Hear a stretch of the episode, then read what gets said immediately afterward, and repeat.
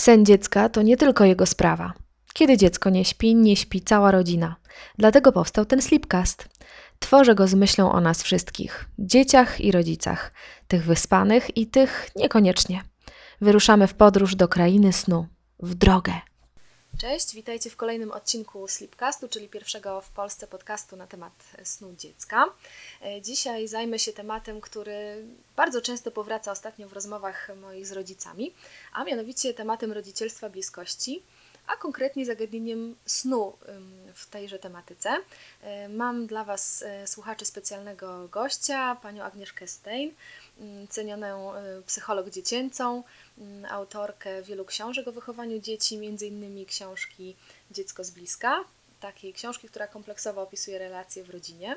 Witam serdecznie. Witam, dzień dobry. Y, Mam nadzieję, że uda nam się trochę przybliżyć e, właśnie zagadnienie rodzicielstwa bliskości i to, jak mm, w ramach tego właśnie nurtu, czy meto- metod, czy sposobów wychowywania, zaraz to o tym powiemy, jak y, w tym zagadnieniu widzimy y, kwestię snu.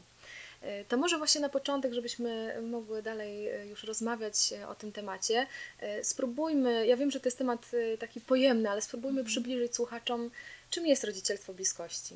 Czy to jest właśnie jakaś metoda, czy zestaw jakichś porad, czy, czy sposób wychowania? Ja myślę, że to jest trochę takie podejście, w którym rodzic pamięta o tym, że relacja między nim a dzieckiem to jest ten podstawowy czynnik, który wspiera rozwój. Myślę też, że rodzice w rodzicielstwie bliskości starają się cały czas uczyć, rozwijać, e, coraz lepiej rozumieć dziecko, traktują też to dziecko jako odrębną osobę, która ma Mhm. własne potrzeby, własne emocje, przeżycia, własne intencje, działania, które też są ważne i warto je brać pod uwagę. To jest taka specyficzna wrażliwość, prawda? Na dziecko, No, na jego potrzeby. Myślę, że tak. To jest, myślę, że to jest korzystanie ze swojej wrażliwości, bo wrażliwość na dziecko mamy wszyscy. Mhm. W tym właśnie zagadnieniu, e, jeśli już mówimy właśnie o śnie, to tak najczęściej, jak, jak rozmawiam z młodymi rodzicami, pojawiają się takie dwa tematy. Pierwszy z nich to jest usypianie, czy metody usypiania dzieci, e, a drugi to jest kwestia spania z dzieckiem. I chciałabym się teraz przyjrzeć tym dwóm właśnie Okej. aspektom. Jak, jak na początek spróbujmy wytłumaczyć, jak e, właśnie rodzicielstwo bliskości patrzy na, na kwestię usypiania, bo, bo mam wrażenie, że my, rodzice, najczęściej myślimy o metodach, tak? O, o Mhm. czymś, co sprawi, że po prostu ja to zastosuję i dziecko momentalnie zaśnie. A jak e, tą kwestię widzi rodzicielstwo bliskości? To trochę, trochę dla mnie to jest taka sytuacja, w której ja nie bardzo mam poczucie, że to rodzicielstwo bliskości tak widzi, tylko że Mhm. wyniki badań są takie, że Mhm. to nie jest tak, że to jest gdzieś tam wymyślone przez rodzicielstwo bliskości, Mhm. tylko badania na temat snu i tego, jak dzieci śpią, e, pokazują, że dziecko, żeby dobrze spać i zasnąć, potrzebuje się czuć bezpiecznie, że dla małego dziecka spanie y, w miejscu, gdzie opiekun nie wie, nie słyszy, nie widzi, co się z nim dzieje, może nie być bezpieczne. To są zalecenia WHO ogólnoświatowe. To nie jest rodzicielstwo bliskości, tak? Że do szóstego miesiąca życia dziecko nie powinno spać w osobnym pokoju. I kolejna rzecz jest taka, że e, kiedy myślę o zasypianiu, to warto sobie zdać sprawę, że dzieci budzą się i zasypiają jeszcze zanim się urodzą i nie potrzebują do tego żadnych metod, natomiast budzą się i zasypiają wtedy, kiedy potrzebują. Budzą się, kiedy są wyspane i zasypiają, kiedy potrzebują spać. I badania, które na ten temat gdzieś tam były robione, pokazują, że to, jaki dziecko ma rytm spania, ile godzin potrzebuje spać, o jakiej godzinie zasypia, jak to wygląda, to wszystko jest bardzo mocno zdeterminowane genetycznie, czyli nie zależy od tego, co robią rodzice, a zależy od tego, jakie potrzeby ma dziecko. Nawet ci rodzice, którym wydaje się, że nauczyli swoje dziecko zasypiać w jakiejś określonej porze, najprawdopodobniej trafili na dziecko, dla którego taka pora zasypiania była y, zgodna z jego biologicznym zegarem. To też ciekawe i takie, myślę sobie, ści- ściągające odpo- pewną odpowiedzialność też z rodzica i taką presję, chyba bardziej Mhm. presję niż odpowiedzialność, że tak naprawdę możemy sobie wytłumaczyć sami przed sobą, że to, czy ono zaśnie w tym momencie, czy ja będę faktycznie siedzieć tam, nie wiem, pół godziny w tym pokoju, 40 minut, czy nawet dwie godziny, żeby usypiać dziecko, tak do końca nie zależy ode mnie, prawda? Raczej ja wczuwam się No, Myślę, w tego że jeżeli, człowieka. myślę, że jeżeli ja siedzę dwie godziny, żeby uśpić dziecko, to może mogłabym zacząć dwie godziny później i byłby ten sam efekt. Na przykład. Natomiast dla części rodziców ja widzę, że ten czas usypiania to nawet nie jest czas usypiania dziecka, tylko to jest taka sytuacja, kiedy dziecko bardzo potrzebuje kontaktu jeden na jeden i właściwie ta sytuacja usypiania jest dla niego takim momentem, kiedy ten kontakt jeden na jeden może mieć. Tylko- Stąd to usypianie tak, na przykład na rękach, tak? tak, Czy- stąd, czy- stąd usypianie, które trwa właśnie półtorej godziny. Mhm. Tylko myślę sobie, że łatwiej jest rodzicowi powiedzieć, że moje dziecko potrzebuje przez e, godzinę przed zaśnięciem pobyć tylko ze mną, niż rodzicowi, który mówi usypiam dziecko godzinę i ona przez godzinę nie chce usnąć. Nie? Że to zupełnie inne emocje budzi w rodzicu. Tak, inne nastawienie. Inne nastawienie. Świetne. Bardzo takie, myślę, ożywcze podejście, którego czasami nam brak jako rodzicom. Mam wrażenie, że stajemy się tacy bardzo zadaniowi, jeśli chodzi o dziecko, że chcemy, żeby ono się do nas dostosowało, tak? Chcemy mieć jakiś plan, pewnie oczytani e, metodami, e, tutaj książkami Tracy Hawk i chcemy e, ten plan, plan zrealizować. Czy rodzicielstwo bliskości zatem nie zakłada istnienia, funkcjonowania żadnego planu dnia na przykład? Myślę, że to jest ten problem, kiedy my produkujemy, wymyślamy jakiś plan i próbujemy drugiego żywego człowieka w ten plan wtłoczyć, w ogóle nie sprawdzając, jakiemu ten plan służy. I tak naprawdę mam poczucie, że to są często takie sytuacje, kiedy ten plan nie służy ani rodzicom, ani dzieciom, bo rodzice też wcale nie czują się dobrze z tym, że ich dziecko ciągle, ciągle sygnalizuje dyskomfort. Także powiedziałabym, że to, żeby jakiś plan tworzyć, to wydaje mi się, że trzeba go tworzyć w oparciu o rea- realną, rzeczywistą y, sytuację naszą, czyli realne potrzeby, realny temperament dziecka, realne potrzeby swoje. Wtedy można jakoś z tego konstruować to, jak nasz codzienny taki, y, tak jak nasze codzienne życie wygląda. A kiedy my próbujemy ten plan skonstruować w oparciu o, nie wiem, jakieś oczekiwania z zewnątrz, czy to jak to jest u innych ludzi, czy tak nam się wydawało, czasem nawet w oparciu o to, jak poprzednie dziecko funkcjonowało, to myślę, że często mamy taką sytuację, kiedy to kosztuje ludzi bardzo dużo energii. Czyli wczuwamy się po prostu w drugiego człowieka. To aż tyle i, i tylko tyle, wydawałoby się. No, Też mi się tak wydaje. Zaczęłyśmy troszeczkę y, jeszcze na początku mówić o kwestii bezpieczeństwa snu. Pani tutaj Mhm. zahaczyła o ten temat. Jednym z filarów właśnie rodzicielstwa bliskości jest zapewnienie dziecku takiego bezpieczeństwa zarówno pod wz- względem fizycznym, jak i emocjonalnym. I co to tak naprawdę oznacza? Bo fizycznym mogę się domyśleć, tak, żeby Mhm. nie wiem, kołdra nie zaszła na głowę, jeśli decydujemy się na spanie z dzieckiem, albo żeby go tam nie przydusić, ewentualnie żeby spało na plecach, tak? To są te wszystkie zalecenia związane z bezpieczeństwem fizycznym. Bezpieczeństwo emocjonalne to jest coś takiego, y, co my czasami zapominamy y, wziąć pod uwagę, czyli mamy takie poczucie, że jeżeli dziecko śpi, nie jest głodne, tak, nie jest mu zimno, Mhm. Jest bezpieczne, bo przecież nic mu się w tym pokoju nie może stać, to że automatycznie to, że dziecko jest bezpieczne, spowoduje poczucie bezpieczeństwa. A to tak nie działa i to ani u dzieci, ani u dorosłych. My też na taki komunikat, słuchaj, jest bezpiecznie, powinna się czuć bezpiecznie, to też tak automatycznie się nie dzieje. To nie jest taki poziom racjonalny. prawda? Nie jest to poziom Mhm. racjonalny, to są pewne emocje. E, Dzieci mają trochę wbudowane takie mechanizmy, które mówią im, które otoczenie jest bezpieczne, które nie. I zdecydowanie dla małego dziecka bezpieczne otoczenie to jest takie, w którym ono wie, gdzie jest ktoś, kogo ono może w razie potrzeby zawołać po pomoc. Zależnie od tego, czy ten ktoś będzie bliżej czy dalej, to fajnie tak bywa nazywane, że y, dziecko, kiedy śpi, potrzebuje mieć dorosłego w zasięgu swoich zmysłów. I dobrze jest, żeby ten, to dziecko też było w zasięgu zmysłów dorosłego. Czyli, że jeżeli cokolwiek się niepokojącego wydarzy, albo jeżeli cokolwiek będzie takiego, co nie- zaniepokoi dziecko, to że taka informacja do dorosłego będzie mogła dotrzeć. I będzie na to jakaś reakcja. I będzie Bo to też jest reakcja. chyba takie ważne. Tak. To myślę, że w tym kontekście warto wspomnieć o, ym, o zagadnieniu, które też pojawia się w książce Dziecko z bliska, Mhm. czyli o nocnym rodzicielstwie. To jest takie Mhm. dla mnie bardzo, myślę, że y, ciekawe i mam nadzieję też dla słuchaczy. Możemy trochę więcej na ten temat powiedzieć? Czym jest To jest, trochę, to jest trochę taki termin wymyślony przez Searsów, czyli pomysłodawców jakby takiego określenia rodzicielstwa bliskości.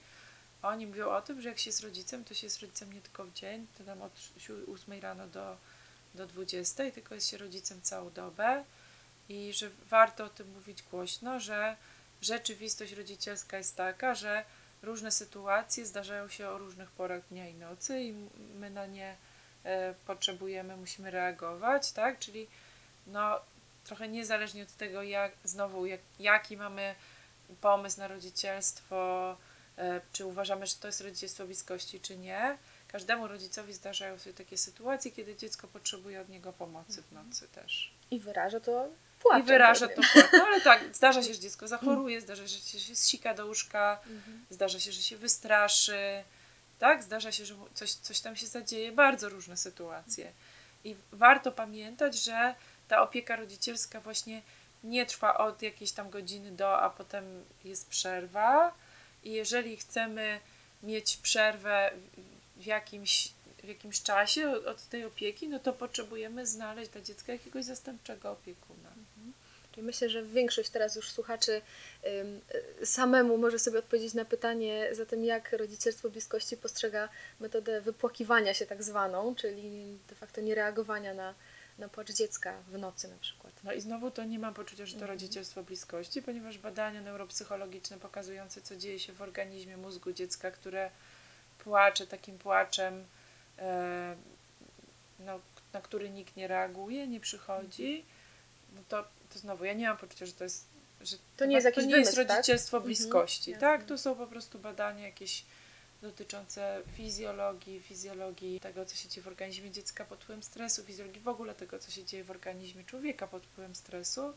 I druga rzecz, którą z tych badań wiemy, to że dziecko, które e, w, w takiej sytuacji płacząc się uspokaja, to najczęściej jest dziecko, które mm, nie możemy powiedzieć, że ono się uspokoiło, ponieważ te hormony stresu dalej w jego organizmie są. I ja tu nie mówię o sytuacji, kiedy dziecko, e, no nie wiem, wydało z siebie jakieś dźwięki po trzech sekundach, zasnęło, bo to jest sytuacja, kiedy dziecko prawdopodobnie w ogóle nie było e, jakoś bardzo zestresowane, tylko po prostu ode, odezwało się. Coś Ja się mówię, o, tak, ja mówię o sytuacji dzieci, które kilka, kilkanaście minut, czasem nawet to dochodzi, nie wiem, do godziny, płaczą i e, zmęczone tym płaczem na przykład zasypiają albo przestają płakać, bo po prostu już nie mają siły. Czyli jeśli się na ten sposób, ja nawet to nie, nie przechodzi mi przez usta nawet, żeby powiedzieć, że to jest metoda jakaś, bo to jest po prostu kwestia niereagowania na jakieś tam potrzeby y, ważne dziecka, czyli jeśli się na, niego decydu- na nią decydujemy, to, to miejmy w głowie, jakie tam są konsekwencje tego, prawda? Ja też myślę, że to dziecka. nie jest taka prosta sytuacja, bo rodzice się decydują e, na takie metody, dlatego że dostają z zewnątrz bardzo dużo sygnałów, że to jest konieczne, że bez tego się nie da, że powinni to zrobić, że to jest dla dobra dziecka, e, że to jest przecież to jedyny, działa. tak, że to jest jedyny sposób, bo rodzice są straszeni tym, że, że dziecko się nie wysypia i się źle rozwija i oni muszą przeprowadzić taki trening, żeby ono dobrze spało. Także ja myślę, że to e, no, ja, ja jestem w stanie zrozumieć perspektywę rodziców, którzy w takiej sytuacji się znajdują. To są bardzo niełatwe sytuacje. Mhm. Czy to znaczy, że my jesteśmy niejako jako rodzice skazani na spanie e, z dzieckiem w jednym łóżku? Jak, jak to wygląda? Czy... Ja bym powiedziała, że od tego warto zacząć, że na ileś tam sto, kilkadziesiąt, nim 190 przebadanych przez antropologów kultur na świecie, w żadnej kulturze poza naszą nie ma takiej sytuacji, kiedy dziecko w takim wieku niemowlęcym śpi w oddaleniu od swojej matki. Po prostu to się nigdzie na świecie nie zdarza, bo to po prostu nie jest bezpieczne. Natomiast e, to w jaki sposób rodzice śpią, ja myślę, że często wynika z ich potrzeb i potrzeb dziecka i dostosowania się ich do, do tego, co się dzieje. I ja bym powiedziała, że przede wszystkim to rodzice mają prawo robić to, co im w ich, y, w ich domu, w ich relacji, w ich rodzinie się sprawdza. Dlatego, że w jednej rodzinie sprawdzi się to, że dziecko będzie spało w łóżku z rodzicami. Myślę, że jest wiele takich sytuacji, kiedy to się sprawdza i warto, żeby rodzice wiedzieli, że to jest ok i że nic dzisiaj złego z dziecku od tego nie stanie, albo żeby wiedzieli, jak to robić w bezpieczny sposób. Ale są też e, rodziny, w których się sprawdza to, że małe dziecko śpi na przykład na jakiejś dostawce do łóżka, Mhm. albo śpi w łóżeczku w tym samym pokoju. Jasne.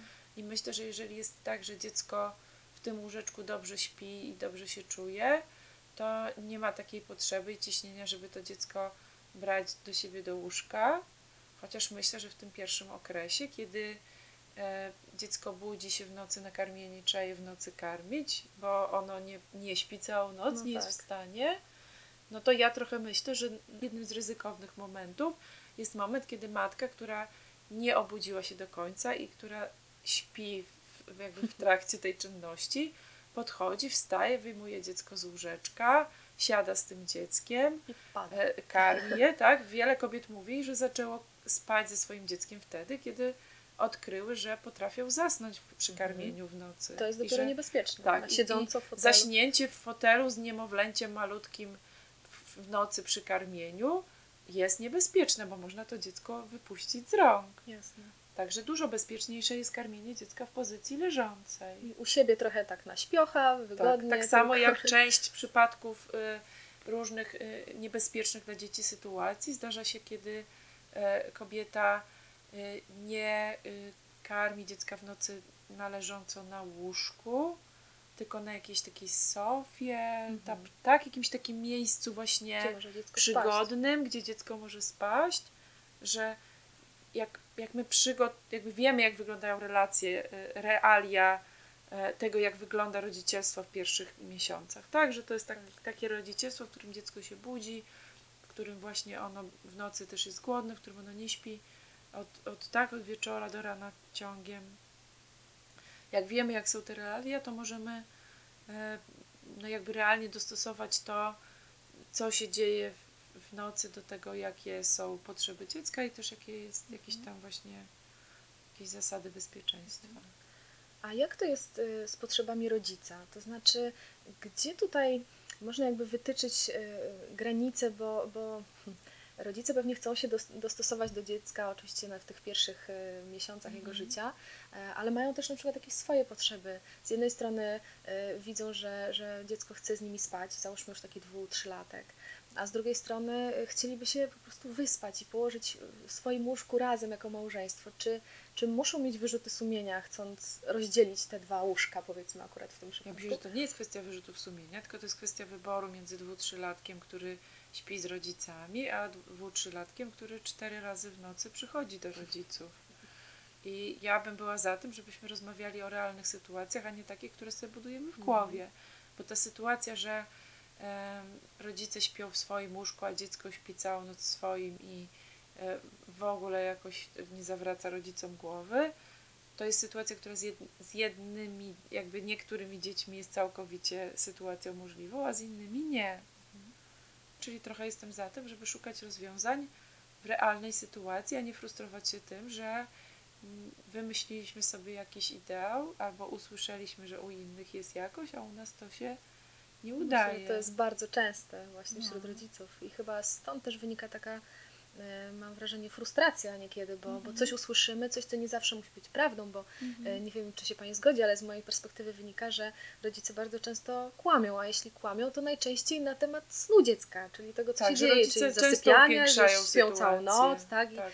I, i tego, I że mówią, że, jest, że, I mówią, Mhm. że jest jak tych, tych sytuacji, że dziecko się budzi, że Tak. przychodzi, że się do niego wstaje, niż to naprawdę jest. Myślę, że część tych sytuacji to są sytuacje, kiedy rodzice mówią nieprawdę, ale część to jest takich sytuacji, kiedy rodzice wstają w nocy i na przykład nie pamiętają tego, że wstawali.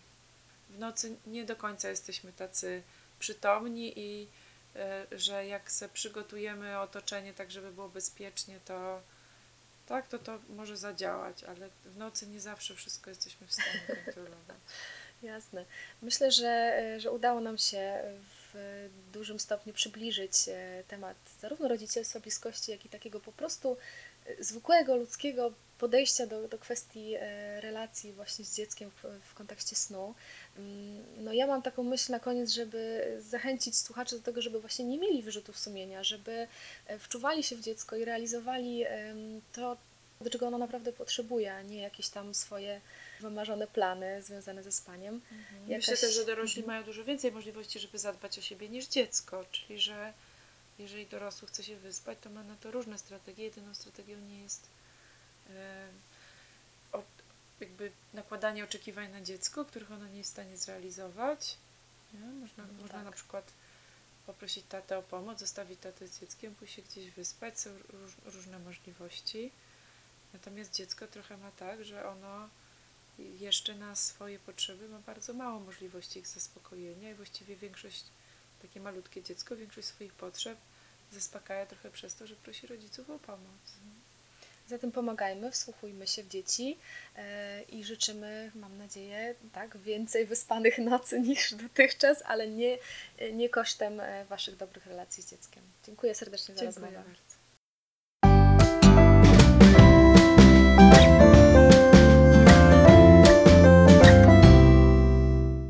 Dziękuję za czas poświęcony na wysłuchanie tego slipcastu. Pamiętaj, treści tu prezentowane to nie porady medyczne. Jeśli coś Cię niepokoi w śnie Twojego dziecka, zawsze najpierw porozmawiaj z położną lub lekarzem. A w międzyczasie zapraszam na mojego bloga mamasubiektywnie.pl i do śledzenia mnie na Facebooku i nie tylko. Po więcej ciekawych tematów dla rodziców sięgnij też po mojego e-booka Podróż za niejeden uśmiech. Znajdziesz go na blogu. Do usłyszenia, Marta Andreasik.